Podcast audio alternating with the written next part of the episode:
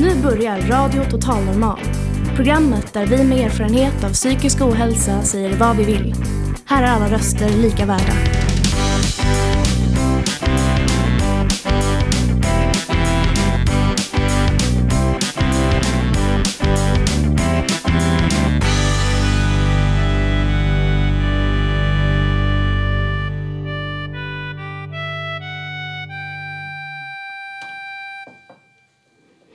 Ja, hej och hjärtligt välkomna till Radio Total Normal, ditt eh, psyke i etern. Vi sänder som vanligt från Fountain House Stockholm på Götgatan 38 och framför mig har jag en härlig publik. Hallå på er!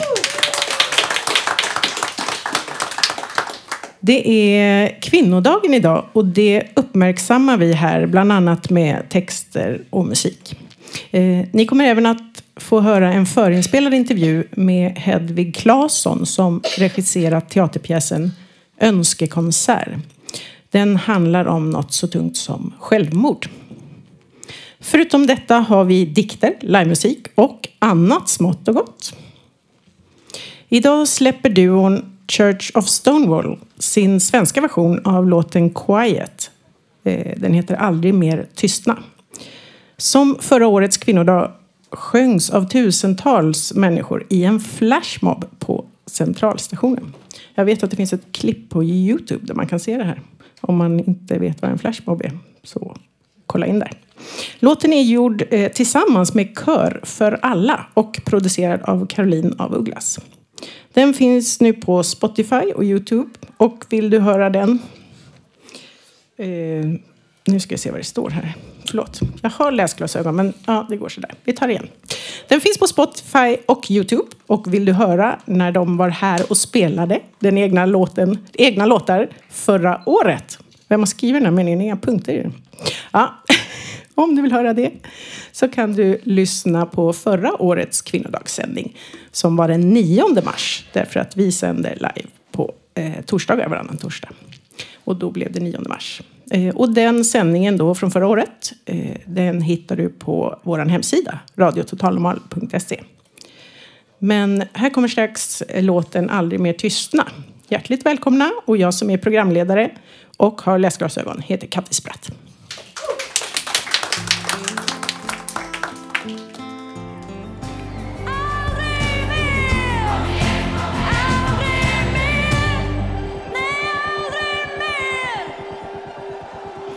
Där hörde ni låten eh, Aldrig mer tystna som är den svenska versionen av Quiet gjord av eh, Church of Stonewall.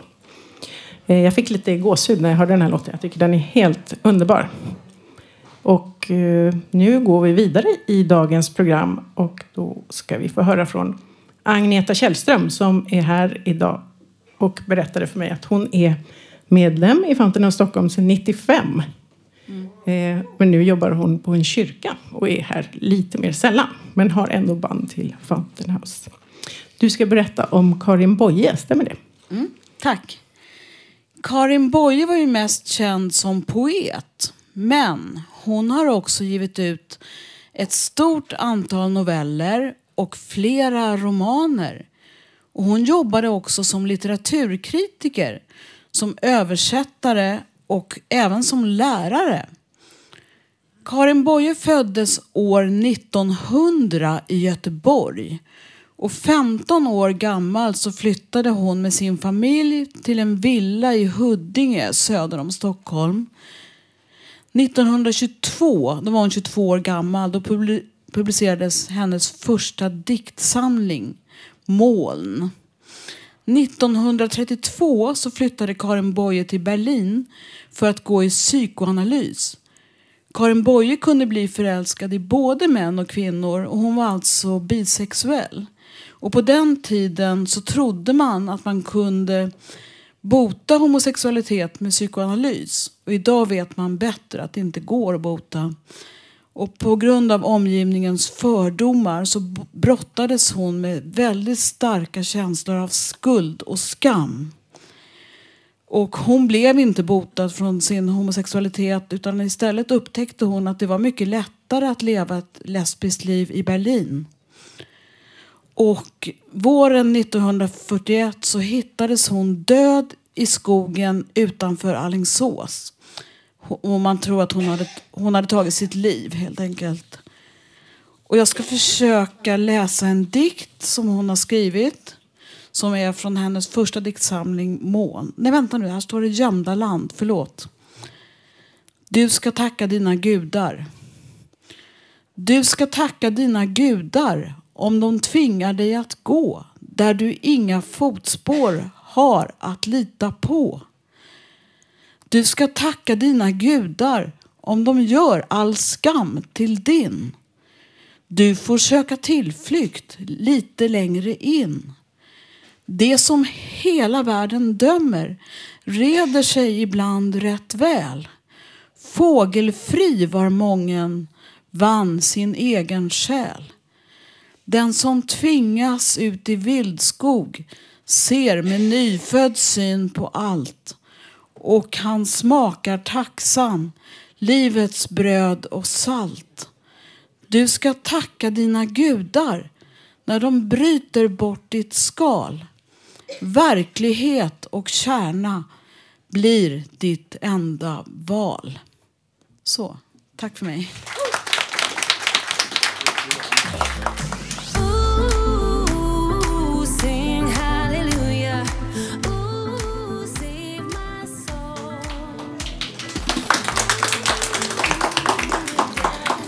Eh, du lyssnar på Radio Total Normal, 101,1 MHz i Stockholms närradio. Det är bra att nämna ibland på en sån här livesändning. Ett annat tecken, förutom mina läsglasögon, eh, ett tecken på att jag börjar bli lite äldre, är faktiskt att nyss hörde vi en låt av Madonna som jag inte hade hört, för jag hänger inte med. Ja, så kan det vara. Vi hörde Madonna, Devil Pray. Nu kommer eh, Pia Isaksson och ska läsa en dikt. Vad ska du läsa? Eh, jag tänkte läsa två dikter. Jag ska läsa en dikt som jag skrev idag som heter Kvinnodagen. Och sen ska jag läsa en dikt som heter Jag var 16 år och blev gravid.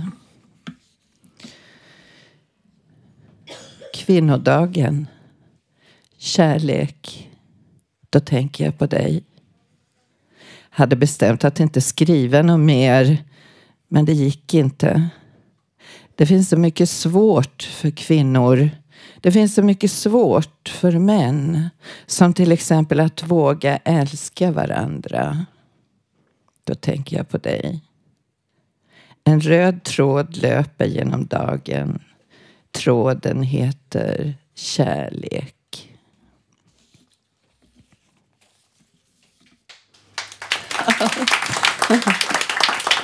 Kärleken är viktig faktiskt i livet. Eh, nummer ett. Om man har förmågan att känna kärlek då, då, då blir det allt mycket lättare. Tack. Halleluja, precis. Eh, jag var 16 år och blev gravid. Alla väntar sig att man ska vara en färdig människa från början. Jag var 16 år och blev gravid och visste inte ens hur det gått till. En hand i bakfickan på mina jeans, ett litet skägg besegrade mig. Jag var 16 år och som, som jag ser det förstörd av oro, talangfull, utan att veta hur. Jag dansade fram på gatorna, hoppade över stenarna, ritade, ritade, ritade, fick diplom. Men jag var förstörd, ingen att luta mig mot, visste inte vad kärlek var. Jag blev gravid, pappa vände sig bort, jag löste allt själv för att slutligen hamna på hem för ensamma mödrar. Barnavårdsmannen berättade för föräldrarna om graviditeten. Sedan de inte fattat någonting eftersom jag använt korsett i sju månader. Innan jag försvann till hemmet. Pappa blev galen. Jag fick mitt barn, Stort som Mumintrollet hängde jag tvätt i trädgården när vattnet gick. Redan då hade jag förstått hur man motverkar värk. Jag koncentrerade mig på en röd boll mellan ögonen. Det hjälpte. Barnet föddes, det var en flicka. Hon tog sportsjuk som hon var. Hjärtat var totalt förstört, precis som mitt eget hjärta. Hon levde bara några timmar. Jag var 16 år och blev gravid. Ingen frågade mig om något, ingen förklarade någonting. Flickan blev nöddöpt, hon fick heta Maria. Jag var 16 år och blev gravid. Därefter gick jag i mitt flickrum med en docka i naturlig storlek i mina armar. Gråtande så tänkte jag kan aldrig mer få något barn. Endast en kråka i tallen utanför mitt fönster kröp ihop i regnet. Fjädrarna var blöta av regn. Tårar ute som inne. Jag var 16 år. Ingen tog hänsyn varken då eller nu. Alla väntar sig att man ska vara en färdig människa från början. Det förflutna sätter spår i framtiden. Ibland i små döda flickor som föds med ett förstört hjärta.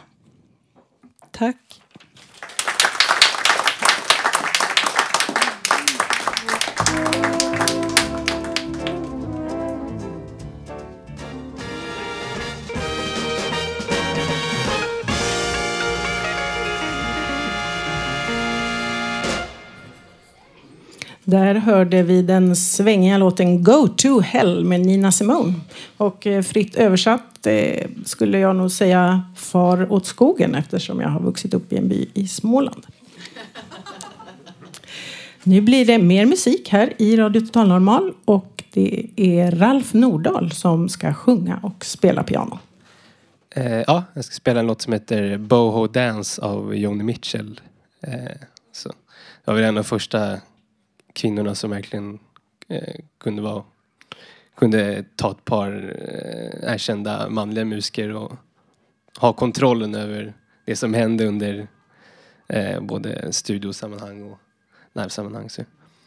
Eh, så den här låten handlar väl lite om hur hon kom från de bohemiska cirklarna och eh, fick, eh, blev trackad liksom av bohemerna och började medverka lite i tv och sådär. Liksom, så hennes svar till det att man kan befinna sig mittemellan eh, och ta från alla olika kulturella delarna av samhället.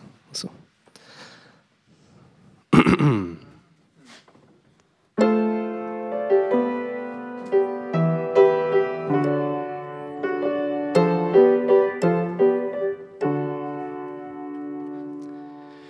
Down in the cellar looking for sweet inspiration. Oh well, just another hard time bed with afro affectations. I wasn't hopeful in rooms like this when I was working cheap. It's an old romance, the bow dance. It hasn't gone to sleep. But even on the scaffold, the cleanest press was in my jeans. And any eye for detail caught a little lace along the seams.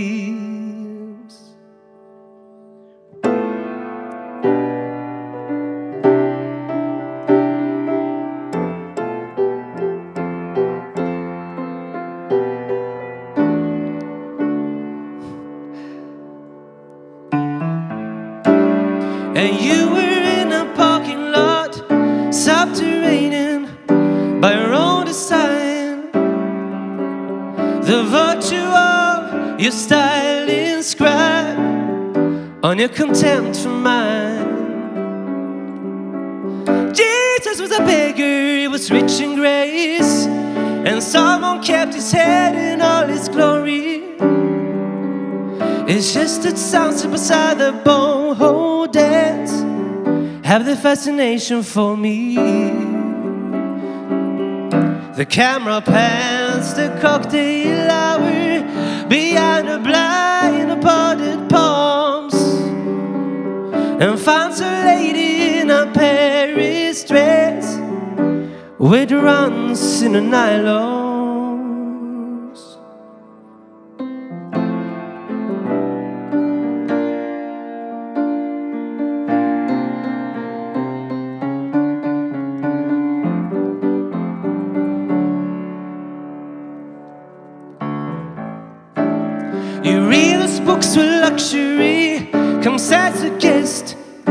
To take a slave.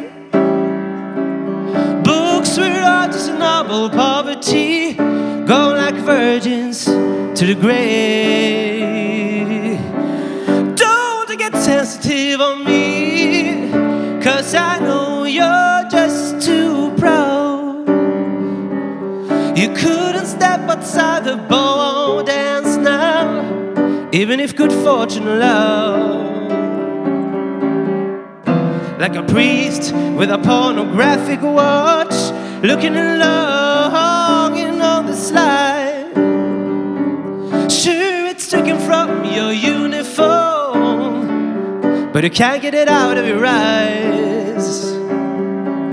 Nothing is capsulized in me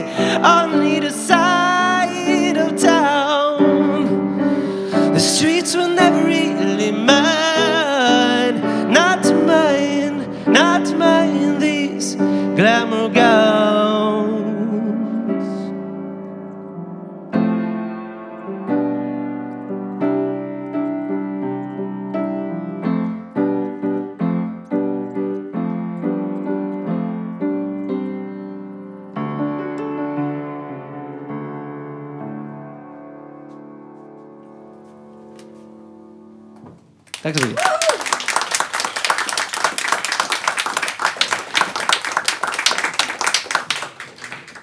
Tack så mycket Ralf Nordahl. Och nu lämnar jag över till Dan Svensson som är här med en egen låt.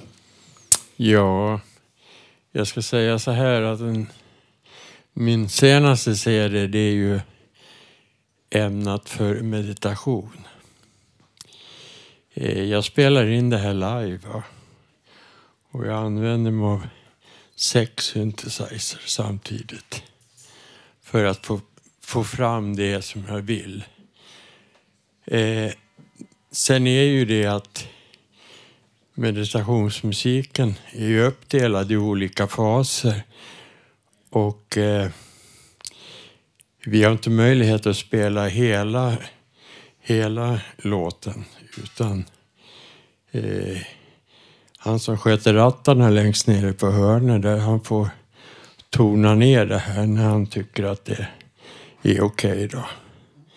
Men jag spelar alla instrumenten själv. Då, så. Sen är jag så jäkla privilegierad så jag, har, jag bor ju i en studio kan man säga.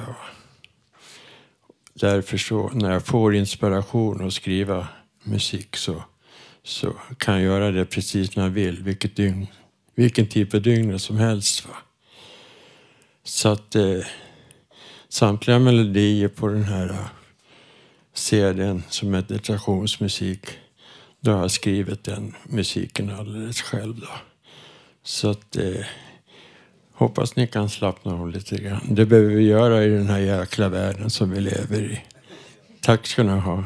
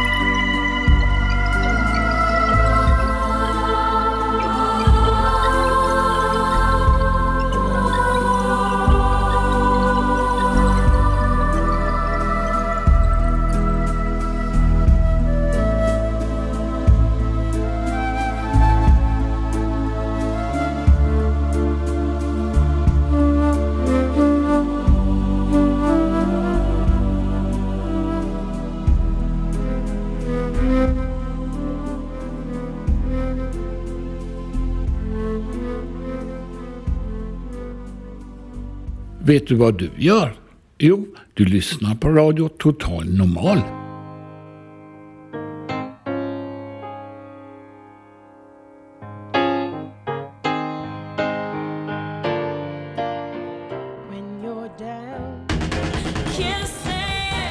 Nu är vi tillbaka i Radio Total Normal, 101,1 MHz Stockholms närradio. Och om du undrar varför du fick höra på så många härliga låtar i rad så kan jag berätta att vi hade brandlarm här. Så vi har under tiden nu utrymt, samlats, gått igenom vem som är här och inte, kommit tillbaka. Värt en applåd tycker jag.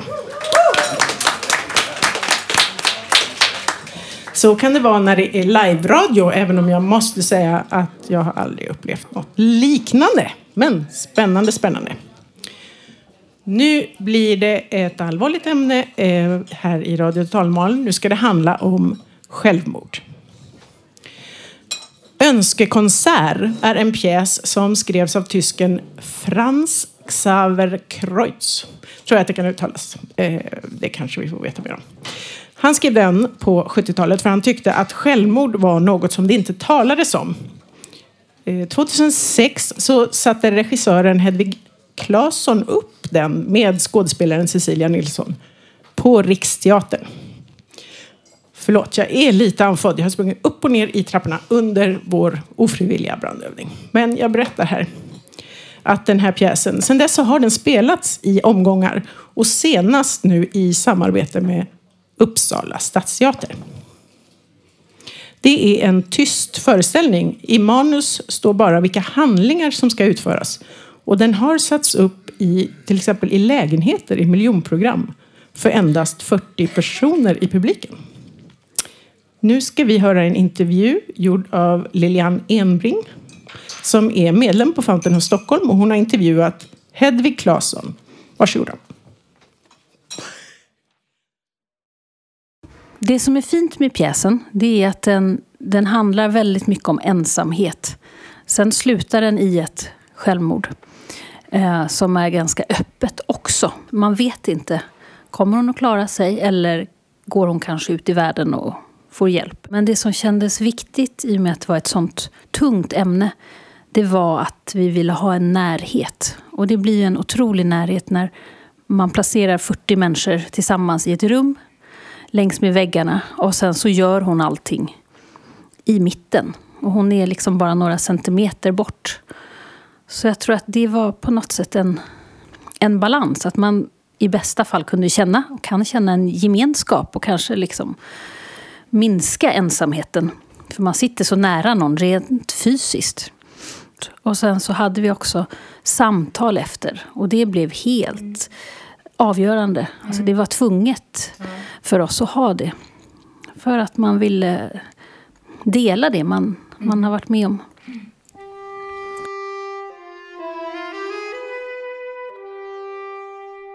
Har du själv några erfarenheter av det här temat? Alltså i ditt eget liv, dina anhöriga eller vänner eller någonting? Eh, ja, det har jag. Från många olika håll faktiskt. Både vänner och släktingar. Och egentligen tror jag att när man skrapar på folks yta så har nästan alla det. Det svåra är väl att prata om det. Det har jag upplevt i min familj. Bland annat min, min mammas bror som tog sitt liv. Och där var det bara tyst. Och så tänker man att idag är det ju inte så. För det här var 40 år sedan. Men eh, jag tycker nog att det tyvärr är ganska tyst idag också. Men därför har det också känts så otroligt viktigt att fortsätta att spela föreställningen. Och det är därför vi inte har slutat heller. Att se en, en sån föreställning när man kanske själv har haft egen erfarenhet av det kan vara väldigt stärkande därför att man känner att jag är inte ensam om de här känslorna. Så att på det viset så kan det vara läkande att se det. Ja, men alltså, det, en av våra ingångar till pjäsen var också att vi ville att eh, hon skulle bli en av oss. Vi ville inte alienera henne, att det skulle vara ett ufo som kom in. Utan att man direkt skulle kunna känna igen sig. Eh, hon är väldigt stilig, hon har en dräkt på sig. Eh, hon kommer utifrån, hon har antagligen varit på sitt jobb.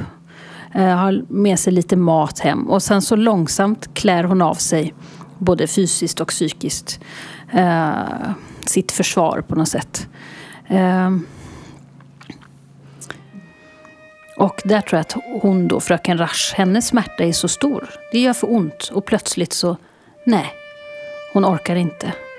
Och det är inte så att hon är liksom förtvivlad när hon gör det, utan hon är ganska samlad. Och det, och det är inte ett storslaget, liksom, explosivt självmord, utan det är ett stilla, tyst självmord. De är de grymmaste, tycker jag. Eh, när, när man kanske... För jag, jag inbillar mig att den som tar livet av sig på det sättet har liksom sakta men säkert tappat tron på att det finns någon hjälp. Uh, och det, eftersom det inte är det här dramatiska, det, det, det är ingen trauma, det är ingenting som egentligen har hänt som gör att man förstår att ja, men det hände och därför så tar de livet av sig. Utan bara i tysthet, i ensamhet.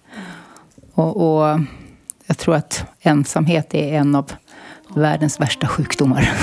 ja, faktiskt. Nej, men när, man, när man ser den här pjäsen, eller jag har ju hört den återberättas då, så kan det ju utifrån verka som att oj, vad hände? Varför liksom tände hon bara lampan och, och, och stoppade i sig tabletterna? Hon hade ju liksom bara gått och lagt sig. Men, men precis som du säger, ibland så är det så små, små, små detaljer som gör att nu räckte det. Nu var det färdigsytt med den där mm, brodyren eller vad det, mattan eller vad det var för någonting. Och det är ju väldigt svårt för omgivningen att uppfatta sådana signaler att det skulle kunna utlösa det, den desperata handlingen som det ändå är. Mm.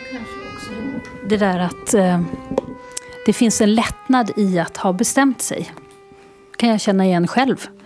Eh, och det är också det som kanske gör det så svårt att hinna upptäcka det. Ja, jag kan skriva under på det. Eh, för många år sedan, det var, jag tror det var 79, så var jag självmordsbenägen. Och jag åkte ner till Kanarieöarna för att jag visste att där kunde man köpa Valium. Och så kunde man åka hem och ta livet av sig.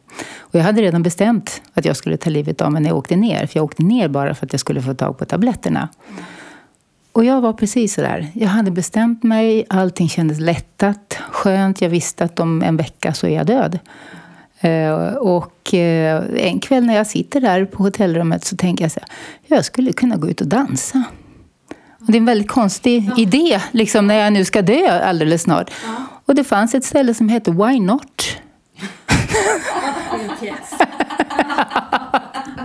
Så jag går dit och dansar och jag har trevligt.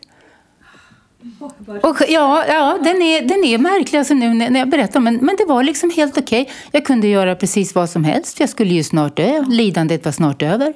spelade ingen roll vad jag gjorde. Jag kunde till och med ha kul. Så så kan det vara. Och det, ja.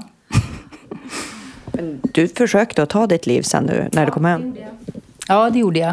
Eh, Men jag blev eh, räddad, om man säger så. Så att jag blev inkörd med ambulans och magpumpad. Eh, Och sen blev jag inlagd efter det. Eh, Då låg jag inne länge. Eh, på den tiden, alltså det här, nu pratar vi sena, sena 70-talet. Då, då, låg man inne, då kunde man få ligga inne länge. Och eh, jag låg inne nio månader. Och jag kan säga att de nio månaderna, det var som att vara gravid och äntligen få födas fram och få ett liv. Ja, jag, jag, kom, jag, jag blev född till liv efter det. det. Det räddade mig den tiden helt och hållet. Annars hade jag, liksom, hade jag inte fått den tiden så hade jag, nog, hade jag absolut inte levt. Så var det. Så jag är så oerhört tacksam för den tiden och de människorna som fanns där. Så det, mm så det är lite skillnad mot hur det är idag. Det är, man får ofta inte den tiden på sig och det stödet som man kanske kan behöva i en akut kris som man är inne i.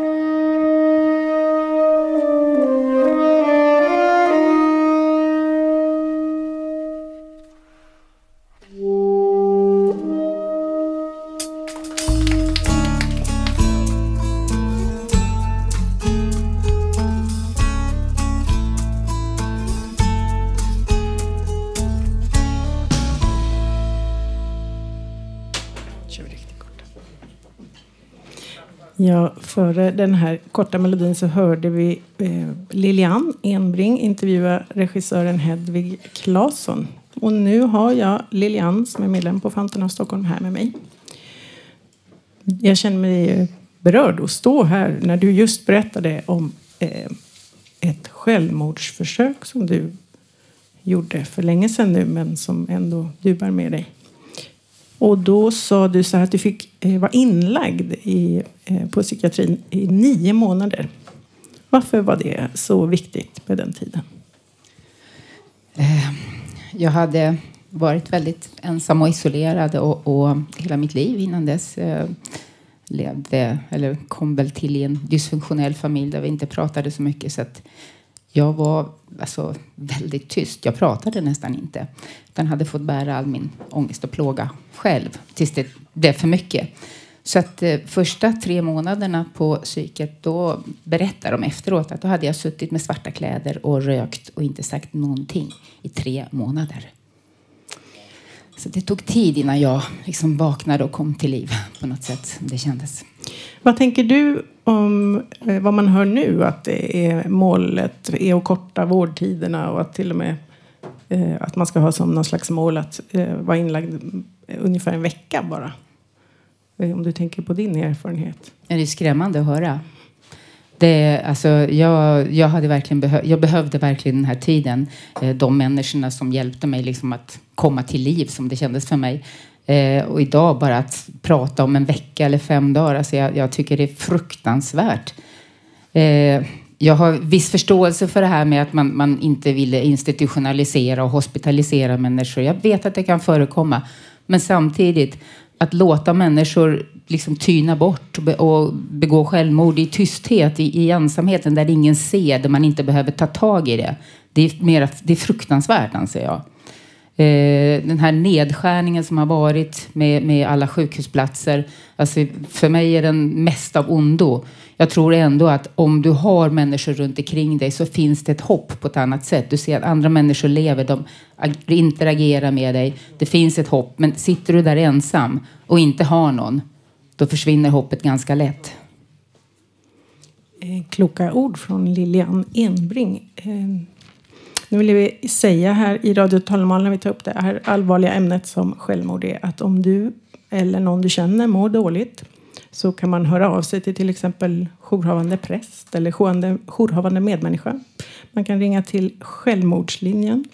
Och sen är det alltid så här när det är fara, akut fara för, för eh, liv, då ringer man 112. Såklart kan du ringa 1177 om du eh, inte är, om det inte är akut sjuk utan du behöver rådgivning. Det finns, det finns hjälp att få. Tack Lilian. Tack.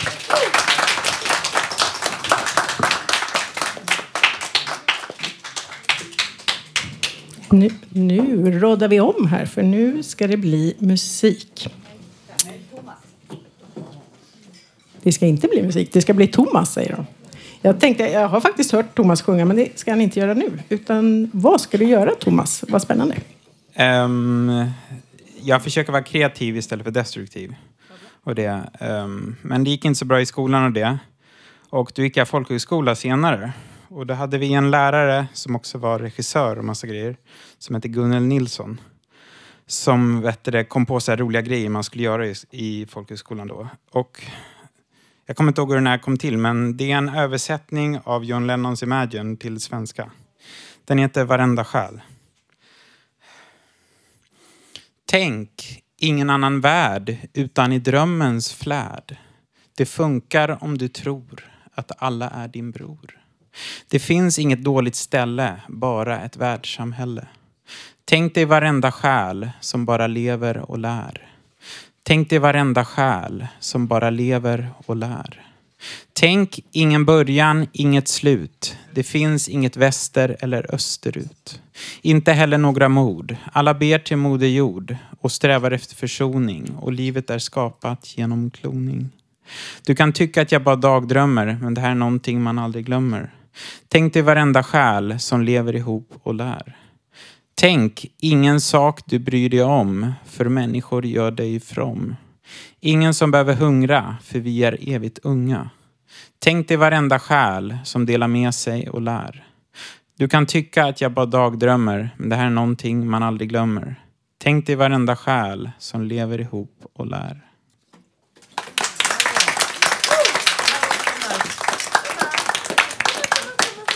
Det här var tänkvärda ord från eh, Thomas.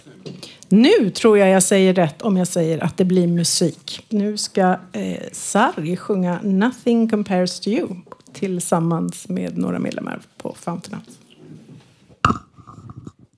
Oh.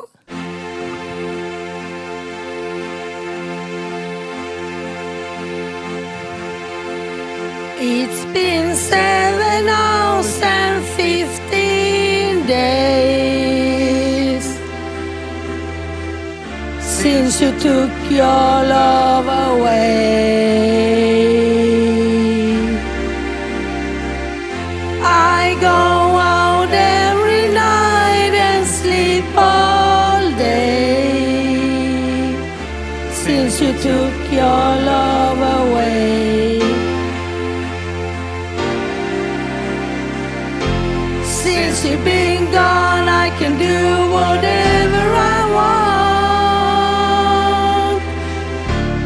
Can see whomever I choose. I can eat my dinner in a fancy restaurant. But nothing, I said, nothing can take away this blues. Cause nothing compares, nothing compares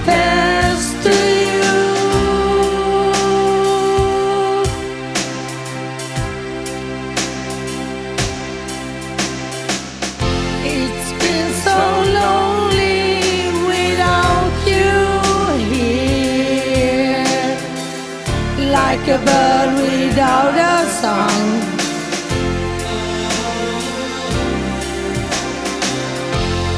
Nothing can stop these lonely tears from falling.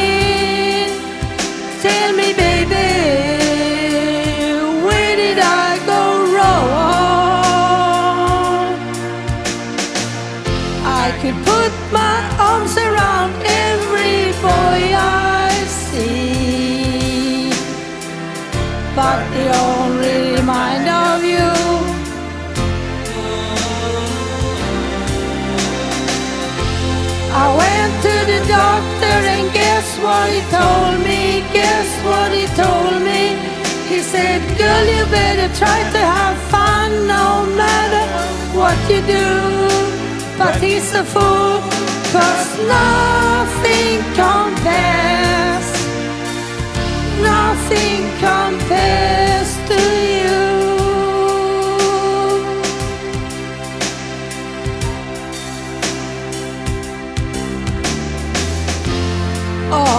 The flowers that you planted, Mama. In the backyard, la la la.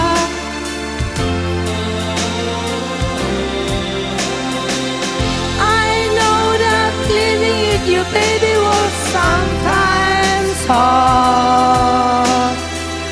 But I'm willing to give it another try.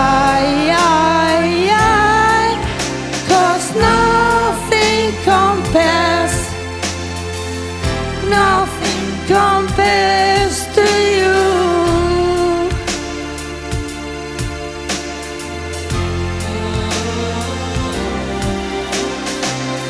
Nothing compares, nothing compares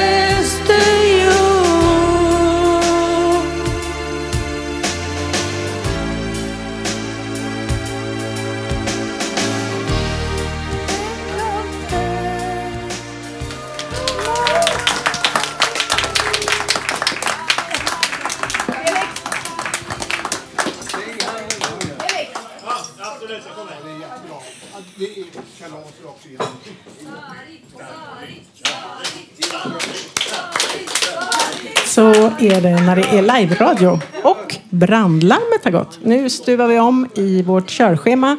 Och så välkomnar vi eh, en ung herre som heter Felix Svan. Och han har skrivit en text om flyktingar. Eh, varsågod Felix. Hej! Det, det är en stor fråga om flyktingar. Jag tänker främst på ensamkommande barn. ska få stanna i Stockholm, Sverige eller inte? Här är min syn på saken.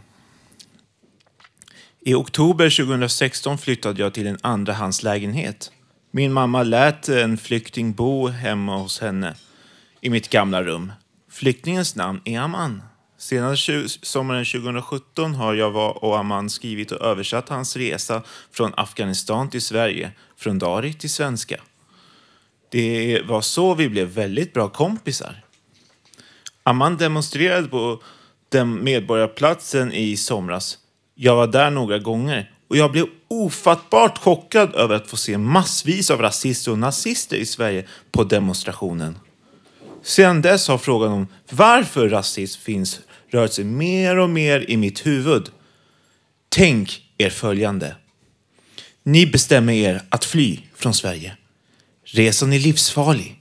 Ni betalar med alla datorer och elektronikgrejer som ni har. Ni forslas från Stockholm i bagageluckan tillsammans med tre andra personer. Trångt! Ni samlas i ett tältläger 10 kilometer från finska gränser. Cirka 100 personer. Väntar, väntar utan att bli informerade om nästa steg. Alla pratar finska. Plötsligt ska ni ge er av in i skogen. Det är kallt och blött. Ni halsspringer i tre timmar. Det hörs skott på, all, på håll. Någon knuffar er i riktning mot ett blinkande ljus. Ni kommer fram till en lång man som signalerar att ni ska vara tysta och springa bakom honom. Ni halvspringer i en veckas tid. Inte mycket mat. På vägen stöter ni på människor som är övergivna av sina smugglare. De får inte följa med er. Ni kommer fram till en by där ni får sova ut i ett par dagar. Ni lär känna den nya gruppen människor. Många från Enköping. Jeepar kommer och hämtar er mot ryska gränsen. Bilarna lastas med ett tiotal människor i varje bil. Efter några timmar kör, timmars körning kommer ni fram till en by där alla får bo i några dagar. Alla smugglare försvinner. Efter några dagar kommer nya smugglare som pratar ryska. På natten ska ni gå över till gränsen till Ryssland. Ni delas upp i grupper om fem personer. Gruppen framför er blir beskjuten. Några dör. Er grupp lyckas komma över gränsen till Ryssland. I Ryssland sätts ni på tåg. Nu behöver ni inte gömma er längre. Människor på de små stationerna ger mat och vatten. Det finns varmt te på tåget. Ni sover på golvet. Det blir kallare och kallare ju längre in i Sibirien ni kommer. Efter tre veckor kommer ni fram till Ulan Bator, snart framme vid kinesiska gränsen. Er grupp om tre personer drar runt i staden vid tågstationen. Ni förstår inte ryska och pratar inte mandarin. En äldre dam bjuder in er till henne. Ni sover hos henne i några dagar. Ni får varm mat, hon är snäll. Efter några dagar får ni biljett av henne till båten på Amurfloden. Ni går på båt och seglar iväg. Efter tre dagar på båten kommer ni fram till Xinj. Kineserna tar, kineserna tar emot er och ger er ett papper och visar på ett hus där ni kan bo. Den långa resan är över. Vad ska hända nu? Kina bestämmer att människor mellan 24 och 30 inte ska få stanna i Kina. Beslut om utvisning följer. Du ska skickas tillbaks till Sverige. Detta har hänt min vän Aman, fast hans resa gick åt andra hållet. Jag undrar vad det är som gör att någon bestämmer sig för att utsätta sig för en resa med så mycket otrygghet och fara. Jag tänker att människor inte förstår vad de kommer att vara med om därför att ger de sig av. Fast det vanliga är att man inte riskerar det som är bra i livet. Alltså tror jag inte att människor på flykt har så mycket som är bra i livet till en början med. De ensamkommande barnen har säkert vänner och åtminstone någon, några familjemedlemmar som de lämnar och saknar. Jag tänker att de saknar språket. Att göra sig begriplig.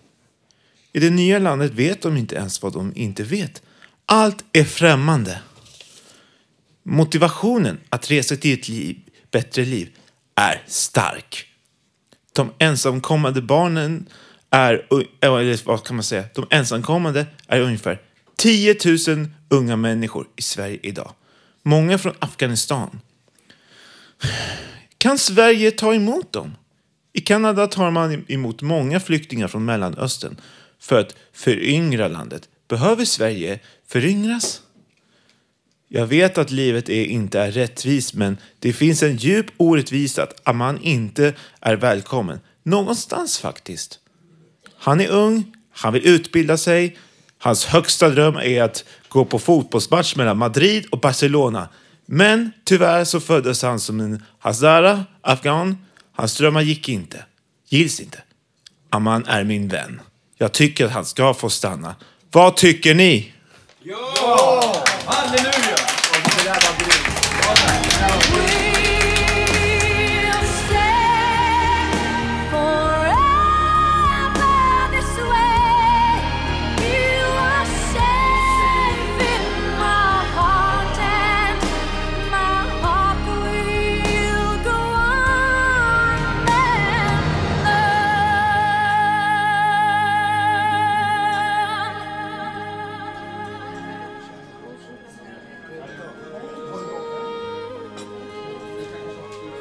Ja, nu, nu var det min tur, eller hur? Ja, eh, lite musik där. Lite bråttom för brandövningen gjorde så långt uppehåll där. Men jag kommer nu med... Så heter, jag heter Cecilia Malmsten. Förra gången också sa jag så. Och mitt namn har jag efter min man, Egil Malmsten, som tyvärr gick bort dagen för sin 95-årsdag. Jag inte, är väldigt ledsen. Det var nyligen. Egil var farbror till Bodil Malmsten, som var kusin till hans barn. Bodil var född 19 augusti 44. Och Carl Malmstens äldsta, han är ganska, han är möbelarkitekt. Äldsta barnbarn Bodil. Hon blev ganska känd som författare av böcker och dikter. Men hon blev tyvärr sjuk. Hemskt avled mars 2016. För tidigt. Jag köpte då den här samlingen och hennes verk. Så jag tänkte läsa något. Jag har gjort förut, men nu läste, tänkte jag läsa en dikt eller text mest. Lite ovanliga texter. En...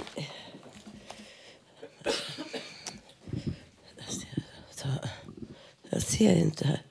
Den heter Lindansösen. Fram och så tillbaka. Så tillbaka och åter.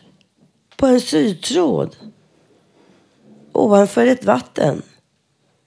Regnbåge varenda gång hon faller. Sedan repetera. Minnas sin historia. Lidansös, lidansös plåga att alltid börja om. Och alltid åter våga. Falla. Åter. Våga falla. Sedan repetera. Aldrig glömma fallet. Lindansösens plikt är aldrig sluta stiga. Åter upp på linan. Gå tillbaka. Och åter. Framåt, åter. Våga falla, åter. Våga stiga. Lindansösen tränar. Hon spelar på stereo, en takt och en fot i taget. På skivomslaget Glenn Gould när han spelar piano. Det var en till också här som jag skulle läsa som var lite kort. Det var svårt att se här. Hör, hör, hörs det? Hörs det? En till. Den är här. det är Den här. Ja, det är lite stycken det här. Den är lättare att se. Kan du hjälpa mig med, med, med, för det skymmer här texten. Jag får hålla i den här, får jag hålla i den istället. Hålla i micken. Hallå. Så. Jag tror att innerst inne finns det något gott i varje människa.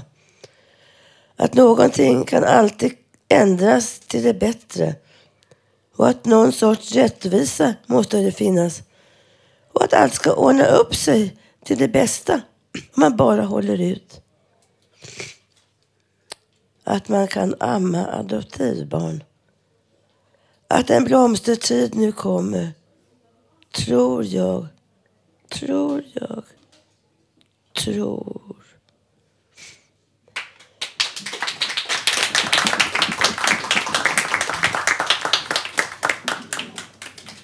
Nu, eh, där hörde vi några fina dikter och nu blir det ytterligare dikter. Jag välkomnar här Carl Unbom.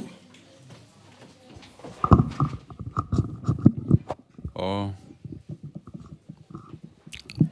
Jag ska läsa en dikt som heter Vid ett vattenfall. Jag har inte velat publicera eller läsa den så ofta i och med att den är lite luftig och svävande i sin strävan efter religion eller himmel på jorden. Men dagen till ära, det handlar i varje fall om hur en kvinna, här, en liten flicka härleder en pojke mot himlen. Jag vet inte hur länge vi utstått regnskogens olidliga umbäranden. Men vi föreföll slutligen äntra en ljusare plats och överraskades snart av ett brakande ljud från trädkronorna. Där en ensam fågel i osannolikt vacker färgprakt kom att sväva över en sammetsblå himmel. Som om allting vore taget ur en dröm om fridfullhetens egen värld. Och i all sanning detta var en rofylld plats där vattnet framskred i kristallklara bäckar som en gång i barndomen och där sammetsvindar lekte bland ormbunksliknande växter vars svalkande skuggspel förde tanken till livet under första sommardagarna efter skolan då själen hela tiden vederkvicktes av en nyvunnen frihet och då ingenting annat än nu-känslan ledde vägen i det som bara måste ha varit på nyttfödelsens egen värld. Som för några ögonblick övergivna av all mänsklig civilisation såg vi sällheten som tecken på närvaron av en bortglömd visdom vars förtrollande gåtor lockade till en vandring över sammetslena stenar. Alla belägna i ett vatten vars stillsamma pålande tycktes lika förunderligt berusande som närvaron av gudomlighetens egna drömmar och som enkelt omtöcknade sinnet utan att detta närmare behövde fråga sig hur. Jag vet inte längre vem jag höll i handen, bara att någon var där. Och att sinnet alltmer omtöcknat av sällheten i nästa ögonblick uppenbarade bilden av en drömligt tecknad flicka som befann sig längre fram och som rofyllt förförd av en barnslig tankegång lekfullt ristade ringar i vattnet med ena stortån och som sedan lät tanken gå till det som bara måste ha varit vuxenvärldens snårskog av uteblivna drömmar. Och istället påbörjade en förföriskt vacker vandring i det vatten som slöt kring vaderna likt en gudomlig smekning. Och som slutligen ledde till en plats som tycktes förtrollad av en rikedom på ljusreflexer skuggspel och vackra växter. Och där hon sjönk på knä i det som tycktes som en hyllning och sedan kupade händerna till en skål. Den mänskliga pånyttfödelsens egen vigvattenskål. Sänkte och höjde denna i urvattnet och lät kristallerna glittra i solen som om allting vore en gåva från himlen. I dina rörelser såg jag en lekfull spegel av hela mänsklighetens försök att uppnå en bättre värld, bortom jordelivets mödor, och som just därför tycktes bruten till tusentals ögonblicksbilder, lika vackra som himlens egna diamanter, och som för alltid skulle komma att blända sanningssöka med en evig skönhet, om bara denna kom efter det som bara måste ha varit en budbärare från andra sidan, den genom vilken mänsklighetens drömmar skulle komma att förverkligas och sanningen slutligen sammanfalla med skönheten själv. Så tycktes allting blivit till en övergång till något helt annat, lika barnsligt befriande som nuvärlden. Och jag såg det långsamt framåtskrida i en sällan skådad och ljusskimrande verklighet. Återigen belägen någonstans mellan dröm och vaken värld och där varje händelse blev till tecken på närvaron av en värld av outgrundliga möjligheter. Som när du vände dig om vid ett soldränkt träd vars glimmande ljus var lika förunderligt som dina långsamt framåtskridande rörelser i vattnet. Eller än längre fram, då du plötsligt befann dig på en jättelik sten och lät vilda vindar riva i håret på den flicka som tycktes född för att tämja civilisationens lögner och som bara för ett ögonblick upptogs av den egna spegelbilden i vattnet och som bara för ett ö ö och i nästa lät tanken gå till blänkande muskler hos män som arbetade på sädesfälten en eftermiddag i barndomen då den underbart behagliga värmen var ett tecken på närvaron av den värld som visste att människans väsen framgick ur nakenhetens egen gemenskap. Och då solen var en välsignelse för alla de som visste att denna nakenhet var vägen till insiktens mysterium längre fram. Även om denna började som en lek i barndomens underbart sällsamma vatten. Och du tycktes alltmer född av denna natur och visste att denna vandring var en väg till återerövring av människans sanna natur. Och just därför en källa till återhämtning lika klar som det vattenfall, vars närvaro vi långsamt varsnade och vars stillsamt tilltagande flöden bar på en hemlighet för de som lät sig ledas av själens aningar om att denna vägen var början till ett slut och just därför den verkliga gåvan. Jag vet inte hur, men jag fann mig själv ensam på en plats där det stillsamt sökande vattnet glimmade i ett svagare ljus och där trädens slokande rörelser överallt var som djungelns egen sorgsamma längtan efter en mer luftigare värld. Och jag tyckte mig någonstans kunna höra trädens susande ljud, viska något om att mänsklighetens slut gick på en blomsterbestödd väg av bitterljuva drömmars tårar och som alltid bar på en obegriplig tyngd, långt bortom tanken. Och så var jag inte längre vid fullt medvetande, men jag tyckte mig en bit längre fram se konturerna av en gammal slav som bar på ett nertygande vattenok i en månbelyst skymning vars drömlika skimmer var en verklighet av en helt annan natur och som därmed förde in i en okänd värld. Jag vet ej vilken.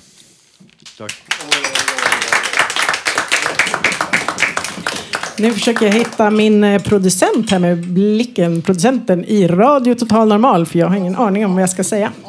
Avrundning ropar hon här i bakgrunden. Härligt. Eh, vi hade ju en liten speciell...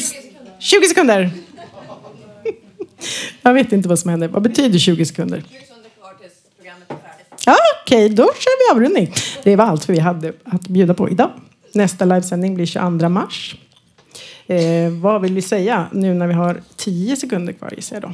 Vi går hit. Tekniker var Johan Hörnqvist, producent. Malin Jakobsson. Musikläggningen var, eh, musikläggning, det var redaktionen. Ansvarig utgivare Bodil Lundmark och jag som var dagens programledare och även utrymningsledare under brandövningen. Jag heter Kattis Bratt. Tack!